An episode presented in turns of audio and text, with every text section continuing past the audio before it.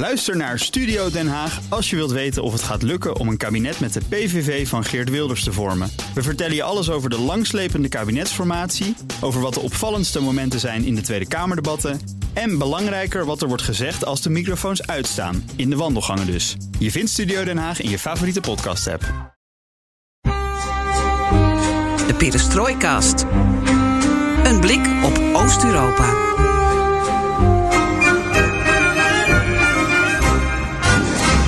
Welkom bij BNR Perestrooikast, aflevering 115 van de enige podcast van Nederland die volledig oog voor het oosten heeft en geeft. Ja, de vorige keer maakten we aflevering 116, terwijl die keer daarvoor aflevering 114 ons werd afgeleverd. Oftewel, we hadden zomaar 115 overgeslagen.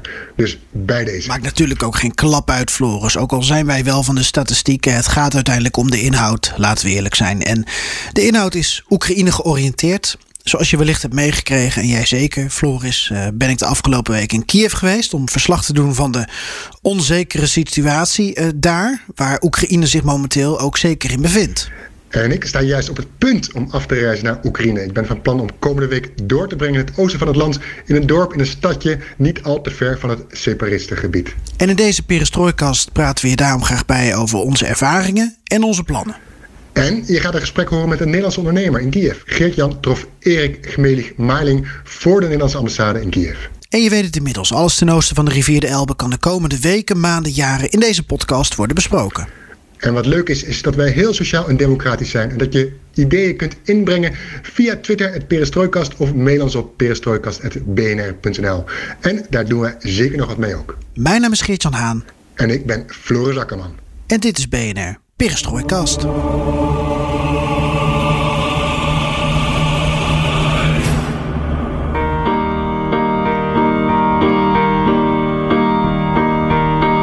Одна в моїй кімнаті нема куди тікати, і їй напевно не поможуть навіть танки і гармати.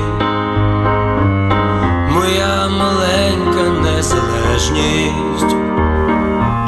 Geert-Jan, ik kwam je eigenlijk bij wijze van spreken overal tegen. Bijna nog in mijn slaap zag ik je.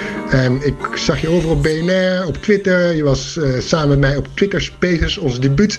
Um, ja, je was dus eigenlijk niet van de radio of waar dan ook van weggeslaan. Hoe zag jouw week eruit? Ja, dat van de radio niet af te slaan zijn, dat ligt dan niet helemaal aan mij.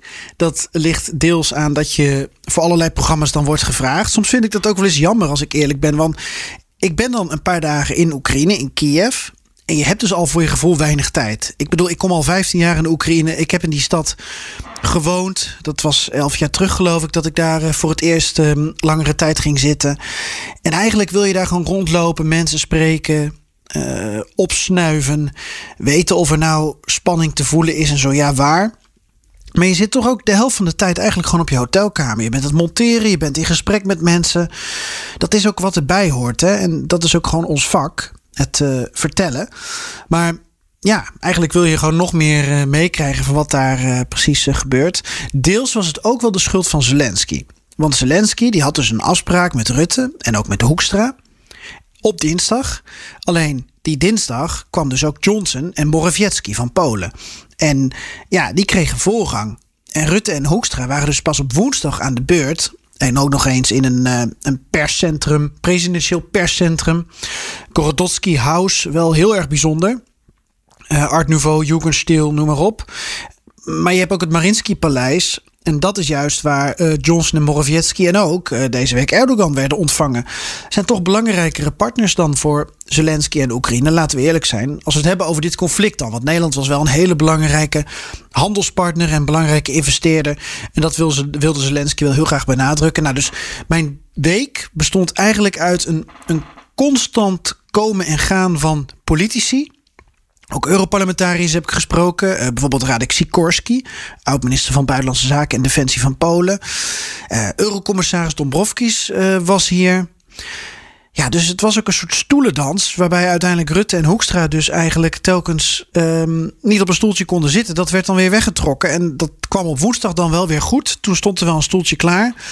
Maar dan weer niet in de entourage die eigenlijk bij zo'n bezoek dan misschien verwacht. Zeker als je het afzet tegen waar Johnson, Morawiecki en Erdogan dan in uh, belanden. Maar goed, ook de Europarlementariërs gaven bij mij aan... ja, ze zouden een afspraak hebben met Zelensky om te vertellen wat ze hebben gezien. Want ze hebben een fact-finding missie een, een, paar dagen lang door Oekraïne gedaan. Dus ze zijn in Kiev geweest, maar ook in Mariupol. Ze zijn uh, op de grens met de Krim geweest. Ze hebben echt wel wat gezien. Ook echt wel wat mensen gesproken.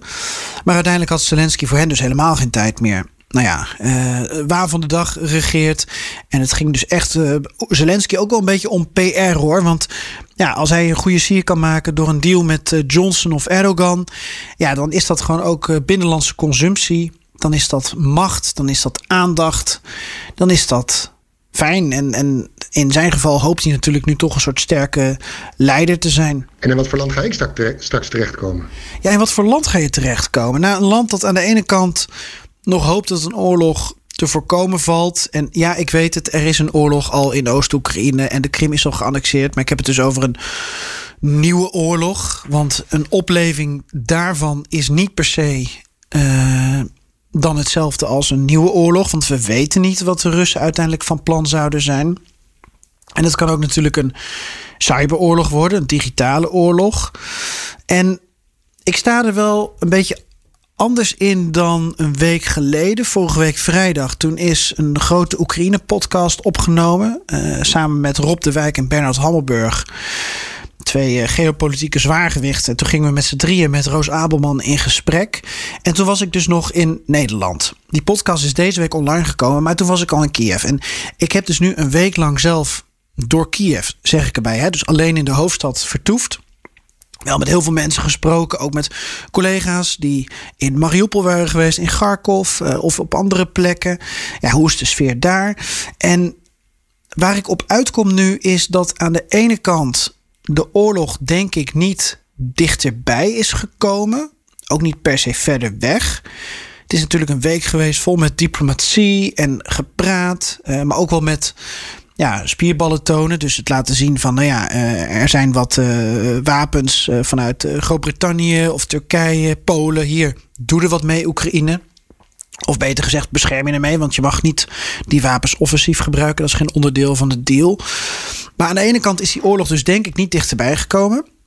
En de dreiging daarmee ook niet. Aan de andere kant is denk ik het gevoel van die dreiging wel wat acuter geworden. En daarmee bedoel ik dat mensen zich beter en meer voorbereiden. Er wordt niet gehamsterd, er is geen chaos. Maar je ziet wel dat bepaalde producten, uh, satelliettelefoons, uh, jerrycans met benzine, water. Dat daar heel erg over wordt nagedacht. Dat dat door een deel van de bevolking wordt ingeslagen. Wat ook wel van enig nut is bij een uh, cyberaanval. Want als dan alles wordt platgelegd. Ook qua communicatie of logistiek, de banken. Ja, dan moet je toch ook wel ergens op voorbereid zijn. Dus een soort waakzaamheid. Misschien moet ik het zo noemen. Dus mensen drinken koffie, drinken bier, gaan naar hun werk, zorgen voor hun kinderen. Je voelt niet echt spanning, je voelt geen paniek, maar er is ook geen berusting. Ja, bij een deel, bij een wat oudere generatie, maar dat hoor je straks ook wel in het gesprek met, uh, met Erik even terugkomen. Ja, en, en wat ik al zei, ik ben vooral in Kiev geweest. Uh, maar ik was ook veel op pad met vrienden van de show, zoals Michiel Driebergen, Joost Bosman. En die hebben dan wat meer ook in het oosten gezeten. En die zeggen, ja, die vinden eigenlijk dat het Oekraïens bewustzijn, dat dat wel groeiende is. Ook op plekken waar je dat misschien niet verwacht. Dus Joost had het ook over Zaporozhye en over Mariupol. Dat er ook veel meer in het Oekraïens werd teruggepraat dan voorheen. Ook als hij dan in het Russisch bijvoorbeeld een vraag stelde. En taal is niet leidend. Hè? Dus uh, die taalstrijd die altijd geframed wordt als... Uh, ja, Oekraïne is, uh, bestaat uit Oekraïners en uit Russen... en dat uitzicht in de taal. Nee, dat is niet zo. Die taal kan, hoeft helemaal niet leidend te zijn... voor of mensen zich Oekraïens voelen of niet. Iemand kan 100% Russisch zijn in... in in taal en, en spraak en wat dan ook, maar dan tegelijkertijd zich 100% Oekraïner voelen. Maar ja, dat is toch wel interessant hè? Dat, dat dat dan geconstateerd wordt dat in die oostelijkere industriële gebieden, dat daar toch dus een groeiend bewustzijn is. En dat is misschien ook wel boeiend voor jou, mijn waarde Floris. Want nou ja, ik was dus in uh, Oekraïne in Kiev vooral bezig met zo'n alomvattend geopolitiek verhaal met toet, diplomatiek Europa in, in het huis van Zelensky en al zijn presidentiële optrekjes. Maar wat zijn jouw plannen? Ga jij juist voor de kleine persoonlijke verhalen? Ga jij juist voor nou, wat uh, collega's dan ook buiten Kiev hebben gezien? Wat meer bewustzijn, wat meer het leven, wat meer ja, micro, nou ja, kleine verhalen. Ja, de kleine persoonlijke verhalen, daar komt het wel op neer. Ik heb geen enkele afspraak met politiek analisten, experts of defensie-experts. Ik ga op zoek naar de verhalen van, van ja, studenten, van docenten, van de marktkoopman, bij wijze van spreken, van vrijwilligers die zich inzetten voor het stadje om, om het te verdedigen tegen, tegen vijanden, tegen separatisten. Hè. Dat, uh, Pakrovsk, dat ligt 50 kilometer ten westen van Donetsk. En uh, ja, daar, daar, daar gebeurt dus het een en ander om de stad te verdedigen mocht het zover komen. En de separatisten samen de Russen uh, uh, westwaarts verder richting Oekraïne gaan. Al is, uh, moeten we ook weer niet te hard van stapel lopen wat dat betreft. Um, ja, wat ik ook benieuwd ben, is je ziet daar dat uh, heel veel mensen die in Pakrovsk, heel veel mensen er zijn inwoners van Pakrovsk die ook nog een huis hebben in Donetsk en omgeving en op en neer reizen om toch even te kijken hoe het met hun huis staat. Dus ik ben benieuwd of zij iets zien van, ja, troepenopbouw, troepenverplaatsingen, uh, meer uh, soldaten die zich aanmelden of jongeren of, of mannen die zich aanmelden om, om, om uh, zich bij de separatisten, om bij het leger of bij de gevechtstroepen daar aan te sluiten. wat, wat zien zij daarvan? Want je hoort van alles natuurlijk over een invasie, de dreigende invasie riep de VS in lange tijd dat woord dreigende hebben ze in ieder, in ieder geval teruggenomen. Maar goed, wat zien, wat zien die inwoners van Pakrovsk, wat merken zij daarvan? zij zitten natuurlijk al acht jaar is die oorlog aan de gang, dus zien ze echt de verschil tussen deze afgelopen acht jaar en de laatste paar maanden? Is daar echt iets van verhoogde spanning uh, te maken? Hebben ze daar echt mee te maken en wat zien ze daarvan terug? Daar ben ik erg benieuwd naar.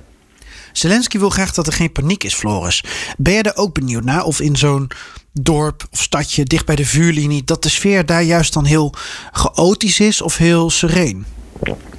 Nou ja, ja precies wat, wat de chaotisch of heel sereen is. Ik kan me ook voorstellen, dat zeg ik nu, uh, dat als je acht jaar oorlog bent gewend, gewend bent, dat je niet meteen wakker ligt van het eerste beste nieuws over dat de Russen eraan zouden komen.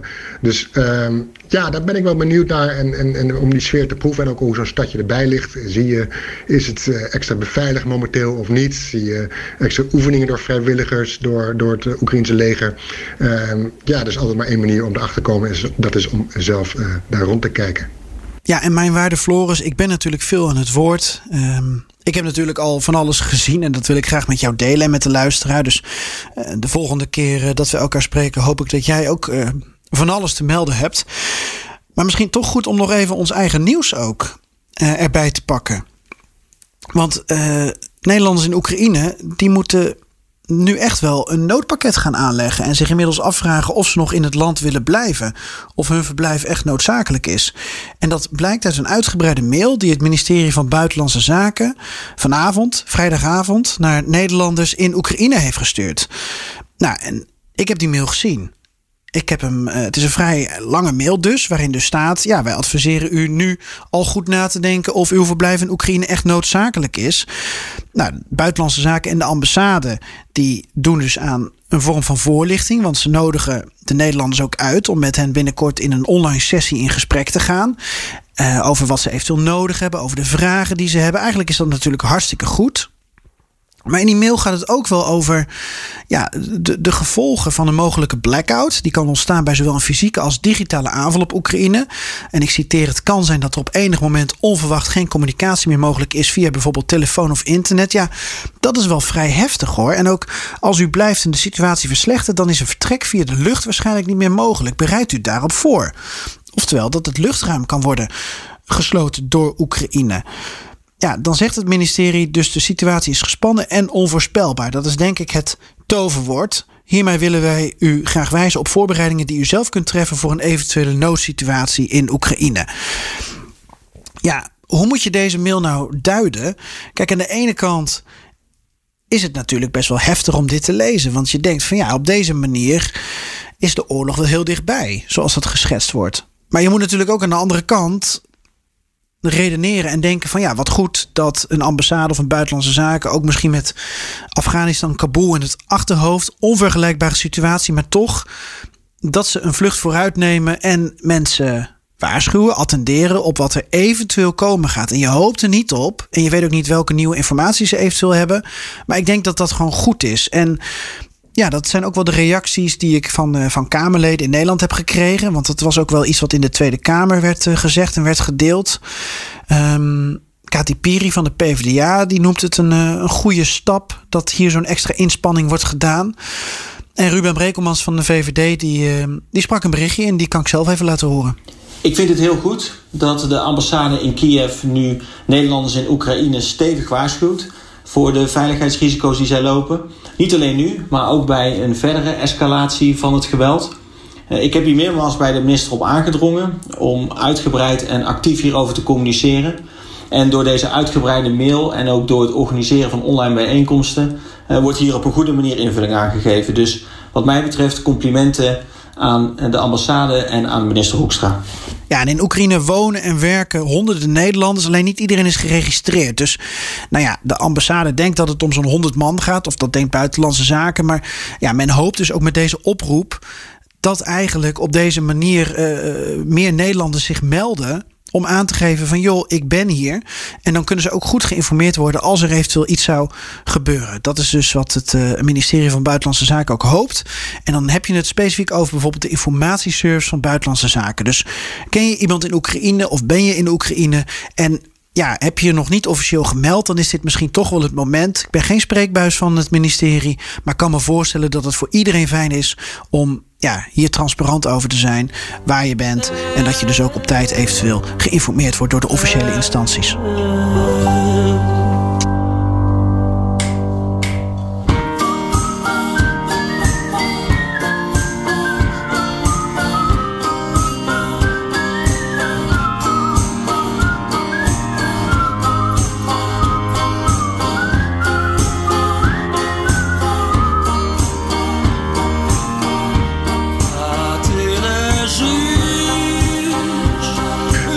Dan is dit een goed moment om te gaan luisteren naar Erik Meiling, een Nederlandse ondernemer in Kiev. Jij sprak hem, Geert-Jan, vlak voor de ambassade. Korte inleiding, waar gaat het gesprek over?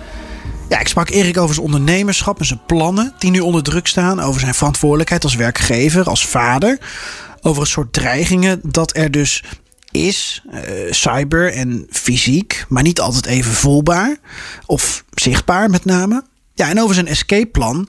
Want hij heeft dus een plan voor als de pleuris uitbreekt om het land te verlaten. Daar is Erik al sinds december mee bezig. Laten we luisteren. We staan voor de Nederlandse ambassade. Uh, en met we bedoel ik uh, ikzelf en... Uh... Ja, Erik Gemedig Meiling. hi. En vertel, wat doe je hier? Um, nou ja, ik ben ondernemer hier in Oekraïne. Uh, woon uh, in het midden van het land. Um, ik heb een, een, een business consultancy bedrijf en daarnaast nog een heel klein BPO bedrijf, Business Process Outsourcing. Um, en daarnaast uh, ben ik nog wat van plan, maar dat uh, ligt, op, ligt nu nog op, op de plank. Ja. Ligt het op de plank door de huidige dreiging? Nou ja, dat ligt inderdaad op de, op de plank door de huidige dreiging. Uh, in principe waren de plannen al in een vergevorderd stadium. het was op gebaseerd op toerisme. Uh, maar goed, ja, we kunnen op dit moment niet uh, met zekerheid in de toekomst kijken. Dus ligt het stil. Want ja, ik ga geen uh, onnodige risico's lopen. Dus dan wacht ik liever eventjes. Uh, maar goed, ik heb nog steeds de andere bedrijven. En daar uh, speelt het risico wel wat meer. Als ik kijk naar de BPO. daar heb ik een aantal medewerkers hier in Oekraïne zitten. Verdeeld over Oekraïne. Ja, afhankelijk van wat er gaat gebeuren. kan dat een, een probleem zijn voor mijn klanten. Ehm, ja, daar moeten we over nadenken. En dat is toch wel heel lastig. Want ja, vooral mijn medewerkers zijn allemaal jong. Ehm, die heb je niet zomaar even in het buitenland zitten. Um, je kan ze heel tijdelijk uh, naar, voor drie maanden naar Nederland halen. Om ze daar in een hotelletje neer te zetten. Maar goed, dat is geen lange termijn oplossing. Je weet niet wat gaat gebeuren. Dus dat is heel lastig. Dus waarschijnlijk is dat uh, het aanzien uh, wat er gaat gebeuren. En in mijn geval, aangezien het een relatief kleine onderneming is. Ja, dan zal het force majeure worden. En dan is het klaar met, die, met dat, in ieder geval die onderneming. Voor dan. Maar goed, we moeten afwachten. Is dat iets wat je van meer Nederlandse of uh, andere buitenlandse ondernemers hier hoort? Dat die onzekerheid nu al de business raakt? Um, ja, um, niet alleen vanuit een Nederlands perspectief. Uh, als ik kijk binnen mijn klantenkring, uh, vanuit de IT-wereld, ehm, worden er heel veel vragen ook vanuit Europa gesteld onder Nederland van klanten. Van goh, ben je voorbereid? Wat ga je eraan doen? Ja, en de kennis die ik daarvan heb is dat de hele grote jongens die hebben daar wel plannen voor. Maar dat de gemiddelde SME-bedrijven hier, eh, de outsource-bedrijven die eh, of ondergehuurd zijn, maar zeggen, ehm, die hebben die plannen nog niet. En daar is het ook heel lastig van om daar ook de medewerkers van of naar buitenland te krijgen. Maar je hebt ook heel veel jongens en meisjes die eh, hier developer zijn, die zeggen van nou, ik wil helemaal niet weg. Ik ga hier of ik blijf hier en ik verdedig mijn land. Dus daar moet je als ondernemer ook rekening mee houden. Eh, Dus dat is heel vervelend. Ja, tegelijkertijd, eh, we hebben hier een beetje een rondje gelopen. We hebben koffie gedronken. Niks aan de hand, joh. Nee, dat klopt. En dat maakt het ook ontiegelijk moeilijk. Ehm, dat is het lastige. En dat, daarmee eh, verspreid je dus inderdaad die onzekerheid. En daarmee, eh, nou ja, Poetin, eh, je hebt je eerste kans goed benut. De onzekerheid die speelt. Ja, je merkt er in principe niks van. Maar we zijn er wel continu mee bezig. En als jij onzekerheid creëert, nou, zeker voor ondernemers, dan krabbelen we ons achter de oren. We willen een soort van zekerheid. En die zekerheid ontbreekt nu, zeker als je naar de toekomst kijkt. En dan is heel lastig investeren. Ehm, en dat zie je dus ook bij de collega's eh, voorkomen. Ja, wat gaan we doen? Ja, we weten het niet. Gaan we afwachten? En tot die tijd rijden we gewoon door. Is in principe geen reden om onze bedrijfsvoering te staken. Want ja, er rijden geen tanks hier door de straten. Eh, die tanks die staan al ver eh, in Rusland achter de grens. Ja, alleen de vraag is, komen ze? We weten het niet. Je woont nu op zo'n drie uur van Kiev vandaan. Drie uur rijden ongeveer, zeg ik dat goed? Ja, ik zit ongeveer 170 kilometer van, van Kiev af. Ongeveer 2,5, 3 uurtjes rijden. Ehm, centraal gelegen, maar dan wel net aan de oostgrens van de Nepper.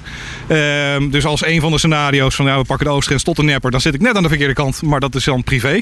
Ehm, mijn bedrijfsvoering, zoals ik al zei, die heb ik nu uitgespreid... omdat mensen hier ook thuis werken. Eh, dat is hier een beetje standaard geworden. In ieder geval de, sector waar ik in zit. Ehm, kijk, voor agriculture, eh, voor de boeren die hier, de, de Nederlandse boeren die hier zitten, ja, die kunnen hun land niet en de boerderij niet zomaar even meenemen. Maar die zitten meer in het westen. Dus die hebben dat voordeel dat ze al wat meer in het westen georiënteerd zitten.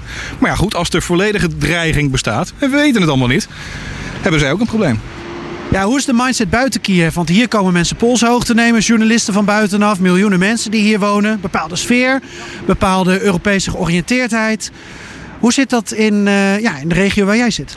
Nou ja, ik, ik ben recentelijk verhuisd naar een dorp. Ehm, daar, als je de oudere mensen die daar, en voornamelijk zijn dat ouderen, dat zijn mensen die 50, 60, 70 zijn, nog werkelijk eh, bewust de, de USSR mee hebben gemaakt, de Sovjet-tijd, die kijken daar anders naar. Die hebben zoiets van, er zijn, er zijn natuurlijk mensen die ook westers georiënteerd zijn, die eh, ook op trainingen gaan eh, op dit moment.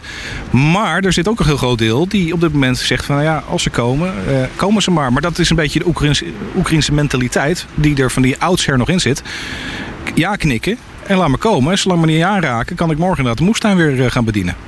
Maar dat is echt ook een soort generatieconflict hier. Ja. Ja, de jongere generatie zoals ik en, en, en om mij heen, ja, die zijn daar zeer actief mee bezig. Maar die zijn ook ja, eh, zeer actief ook naar het buitenland aan het kijken. Die zijn al mensen op dit moment eh, in het buitenland aanwezig. Niet alleen maar buitenlanders. Dat zijn ook al Oekraïners die of getrouwd zijn met buitenlanders. Of inderdaad de mogelijkheid hebben om daar inderdaad op toeristenvisa eh, tijdelijk heen te gaan. Omdat sommige mensen inderdaad al bang gemaakt zijn. Dus de destabilisatie, die vindt plaats. En ja, wij, we weten niet waar waar we mee dealen. Net zoals dat jij het niet weet en iedereen het op dit moment niet weet. Ehm, dat maakt het heel lastig. Ja, want dat is heel interessant. Je zegt inderdaad terecht, net zoals jij het niet weet. Want eigenlijk is het een soort cirkeltje. Journalisten vragen aan de mensen hier hoe het ervoor staat. En jullie informeren dan weer bij ons. Maar niemand die het weet. Nee, en ik denk dat je dat ook op dit moment. eh, eh, ik denk dat iedereen die het nieuws een beetje volgt eh, op, op deze actieve manier. En naar het buitenland kijkt, naar Europa kijkt, naar de Verenigde Staten kijkt enzovoorts. Ehm, ja. Het is heel lastig om daar een eenduidig oordeel over te krijgen. Ehm met betrekking tot bijvoorbeeld, nou we staan hier voor de ambassade. Ja, Nederlands ambassadepersoneel zit hier nog. Ehm, ja, omdat er geen dreiging is. Tenminste, er is dreiging natuurlijk, maar ja, de, tanks rollen niet door de straten. Maar Amerika doet het wel. Ja, dan krijg je mixed signals. Dan weet je het niet meer. Ehm, welke, eh, welke intelligence hebben zij dat de ander niet heeft? Eh, dat, dat, ja, we zitten in een desinformatiesector. Eh, iedereen wordt continu op social media allerlei theorieën. Journalisten weten het ook allemaal niet meer. Ja, dan ga je in. Dat, dus op dat opzicht, wat ik in het begin al zei, destabilisatie. Nou, daar zijn de eerste zaadjes al van geplant. En dat valt hier rond, on- onder. En destabilisatie betekent ook onzekerheid creëren. Ehm, en dat is zeker eh, hier voor Oekraïne. Ehm, en daar wil Zelensky inderdaad op hameren van houd je rustig. Want die ondernemers, zoals ik en de grote jongens en de buitenlandse investeerders, die worden zenuwachtig. Die willen hier op dit moment geen geld in stoppen. Wat aan de ene kant hartstikke jammer is. Want het is een prachtig land om, om, om te investeren. Uh, vele mogelijkheden. Maar ja, we willen zekerheid op een bepaald niveau. Ja, die is er nu niet. Dit land drijft sowieso op buitenlands geld. Ja, op dit moment wel. Uh, Oekraïne was een paar jaar geleden technisch failliet. Trouwens, nou, volgens mij zijn ze dat nog steeds. Al ken ik de overheidsfinanciën niet van voor naar achter hier. Maar inderdaad, uh, we worden gefinancierd door het buitenland. Uh, om goede redenen, moet ik wel erbij zeggen. Ehm, de, het geld dat uit Europa komt, uh, het geld dat uit de Verenigde Staten komt. Op dit moment is natuurlijk een focus op defensie. Nou, hiervoor was het op ontwikkeling van het land. Nou, de wegen worden gebouwd. Er worden mensen geholpen. Uh, de, er wordt wat minder, de corruptie wordt wat meer aangepakt. Is het ideaal hier? Nee hoor. Maar het komt wel langzaam. Dit is een, een lang proces uh, en daar hebben we geld voor nodig. Ondernemers willen toch ook geen gespreid bedje? Die willen een beetje moeite ervoor doen? Ja, dat geeft ons kansen. Ja. Heb jij hem de afgelopen weken een keertje geknepen? Dat je dacht van oei, dit gaat echt de verkeerde kant op en ik moet nu naar de ambassade? Um, ja, in mijn geval had ik een, een paspoort-issue. Uh, ik heb een zoon, uh, zoontje. En daar was de paspoort van verlopen. En dan op een gegeven moment was vorige week, of begin, nou ja, in december begon het eigenlijk al. Uh, in december had ik al de eerste signalen van ja, we moeten toch wel gaan voorbereidingen gaan treffen. En toen begon de Nederlandse overheid een beetje lastig te doen met betrekking tot de paspoortuitgifte van mijn zoon. En ja, toen begon ik hem wel wat meer te knijpen. Want dan ben je een soort van gegijzeld door de Nederlandse overheid bijna. Want je moet weer verplicht blijven en je weet niet waar je voor over staat. Inmiddels kijk ik er iets nuchter naar en zijn de, de gemoederen wat bedaard. Inmiddels zijn de paspoort ook binnen, dus dat scheelt. Um, maar goed, het is nog steeds. Ja, de rust is een beetje wel wedergekeerd, zullen we zeggen, binnen de familie. Maar ja, we weten het nog steeds niet. Hey, um, Nederland, nou ja. Uh, Rutte en Hoekstra die zijn deze week in Kiev. Die komen solidariteit betuigen, maar die komen misschien ook wat brengen. Er is al steun toegezegd op gebied van, van cyber bijvoorbeeld. Nou zijn de Oekraïners, en dat weet jij omdat jij in deze sector ook zit, aardig goed in IT. ook nog aardig betaalbaar, dus extra aantrekkelijk. Waar hebben ze eigenlijk de Nederlanders voor nodig? Um, nou, is, hulp is altijd welkom. Um, ik denk ook wel dat als dat wordt aangeboden um, aan Zelensky, dat hij dat ook wel accepteert. De vraag is, komt het niet te laat? Dat is een beetje de vraag. En we zitten allemaal met de vraag van, goh, wanneer gaat er iets gebeuren en wanneer gaat het gebeuren? Nou, het wanneer, als je de speculaties mag geloven, dat kan binnen nu en een paar weken of misschien een maand. Na de Olympische Spelen is nu weer verhaal.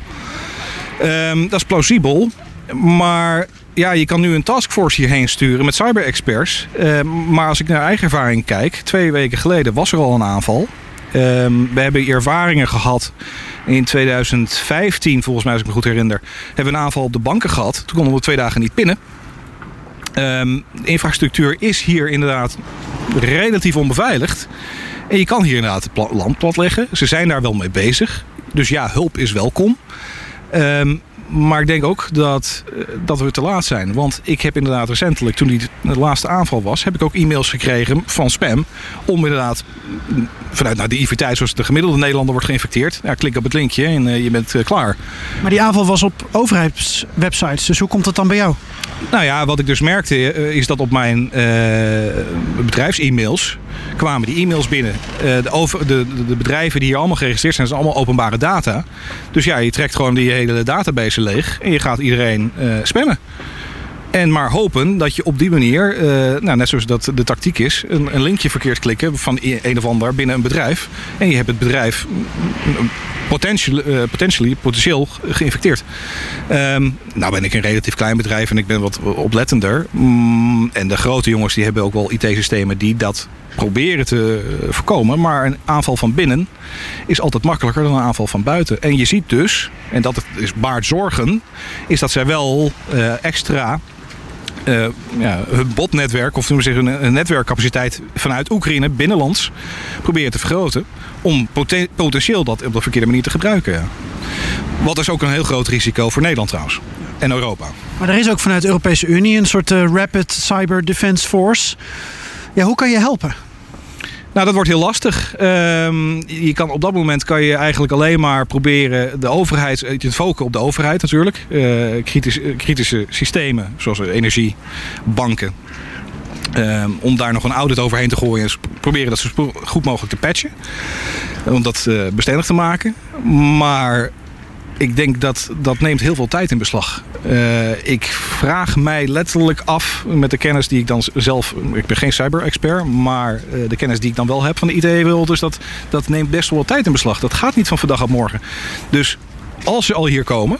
dan kunnen we misschien helpen bij het heropstarten van de systemen... maar het preventief eh, handelen... ik denk dat je daar al een beetje te laat voor bent. Misschien moeten we hem ook nog even omdraaien. Dus er is natuurlijk al een enorme Nederlandse-Oekraïnse relatie op IT-gebied. En ongetwijfeld ook op cybergebied. Dus er zal ook al uitwisseling zijn. Ook de afgelopen maanden, afgelopen jaren. Dus het is meer voor de bühne dat er nu wordt gezegd... We geven steun. Misschien kan je er wel door benadrukken eh, van jongens, we zijn goed bezig. Want dat, dat is misschien ook al wel het geval de afgelopen periode.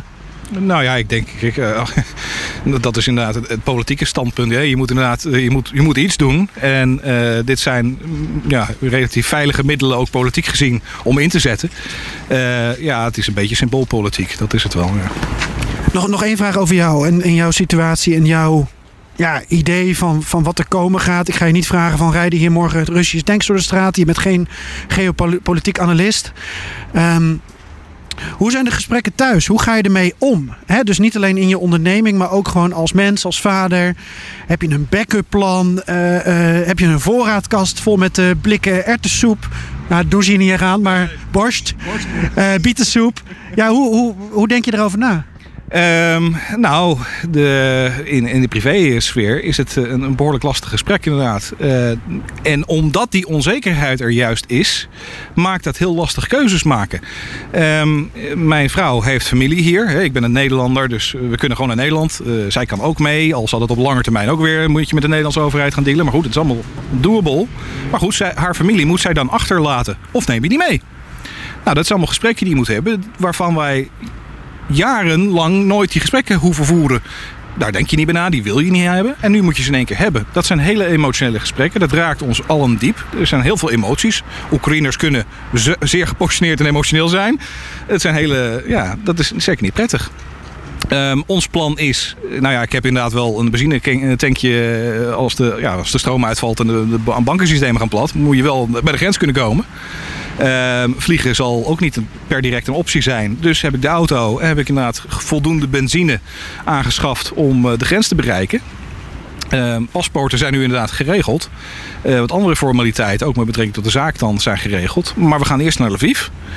Ehm, want ja, dat is het meest westelijke en het ligt nou, ongeveer 30 kilometer van Polen af. Daar kunnen we het heel eventjes uitzitten. En als het ja, te, te veel escaleert, dan is het inderdaad de grens over. Maar ja, daar ook weer de vraag van... als er escaleert, dan krijg je dus een hele grote vluchtelingenstroom... waar trouwens in, in Nederland nog niet over wordt gesproken... Ehm, een zeer grote vluchtelingenstroom met echte vluchtelingen. Eh, Polen heeft recentelijk wat aangegeven gisteren daarover.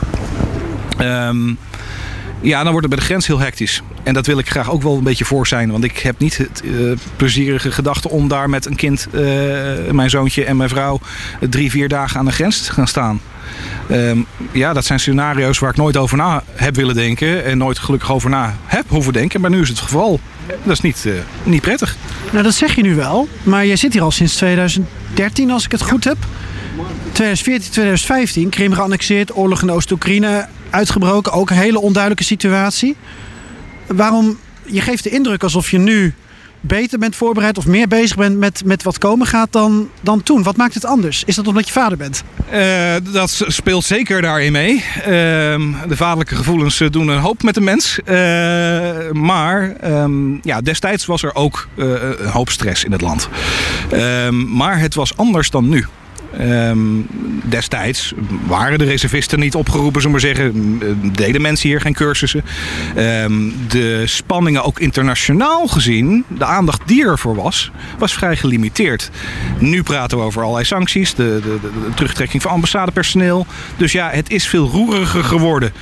Waarschijnlijk, inderdaad, door ja, politiek vanuit buitenaf. Of dat een goed di- ding is of een slecht ding, daar kunnen we over discu- discussiëren. Maar het oorzaak is wel dat wij allemaal op onze tentjes zijn. En dat toen niet het geval was. Want toen hadden we inderdaad intern hier een probleem. Dat was heel erg onplezierig. Mijn vrouw uh, zat toen nog heel erg actief op Twitter. Ja, die was daar, werd daar zo depressief van en die, die zat in een hoek te huilen. Nou, dat doet niet veel eh, goeds met je familie. Dus die heb ik op een gegeven moment gezegd van nou ja, haal Twitter maar van je telefoon af. Want ja, zo moeten we niet verder.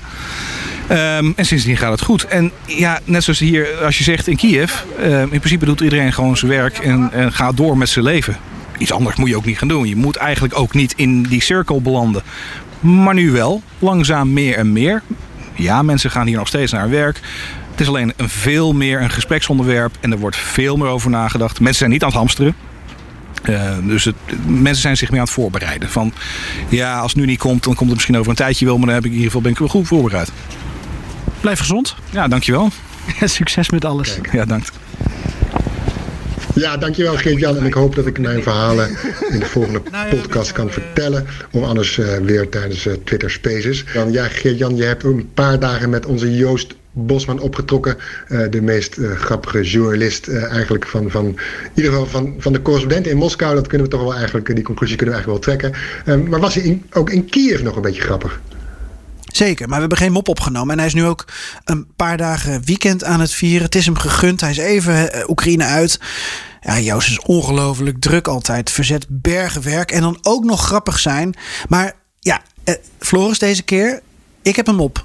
Komt-ie. Jij hebt een mop. Heb je die nou van Joost of uiteindelijk zelf verzonnen? Ja. Nou, laat me horen dan.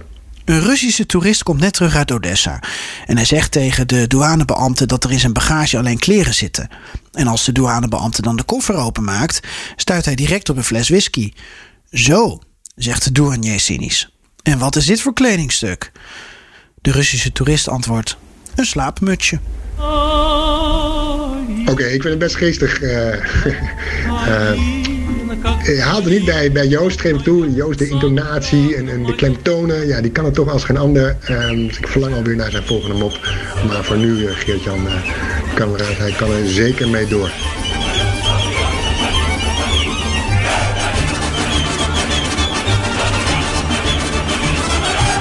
Goede reis. Pakka. Ook Thomas van Zeil vind je in de BNR-app. Je kunt live naar mij luisteren in Zaken doen. De BNR-app met breaking news, het laatste zakelijke nieuws... en je vindt er alle BNR-podcasts, bijvoorbeeld Het Nieuwe Geld. Download nu de gratis BNR-app en blijf scherp.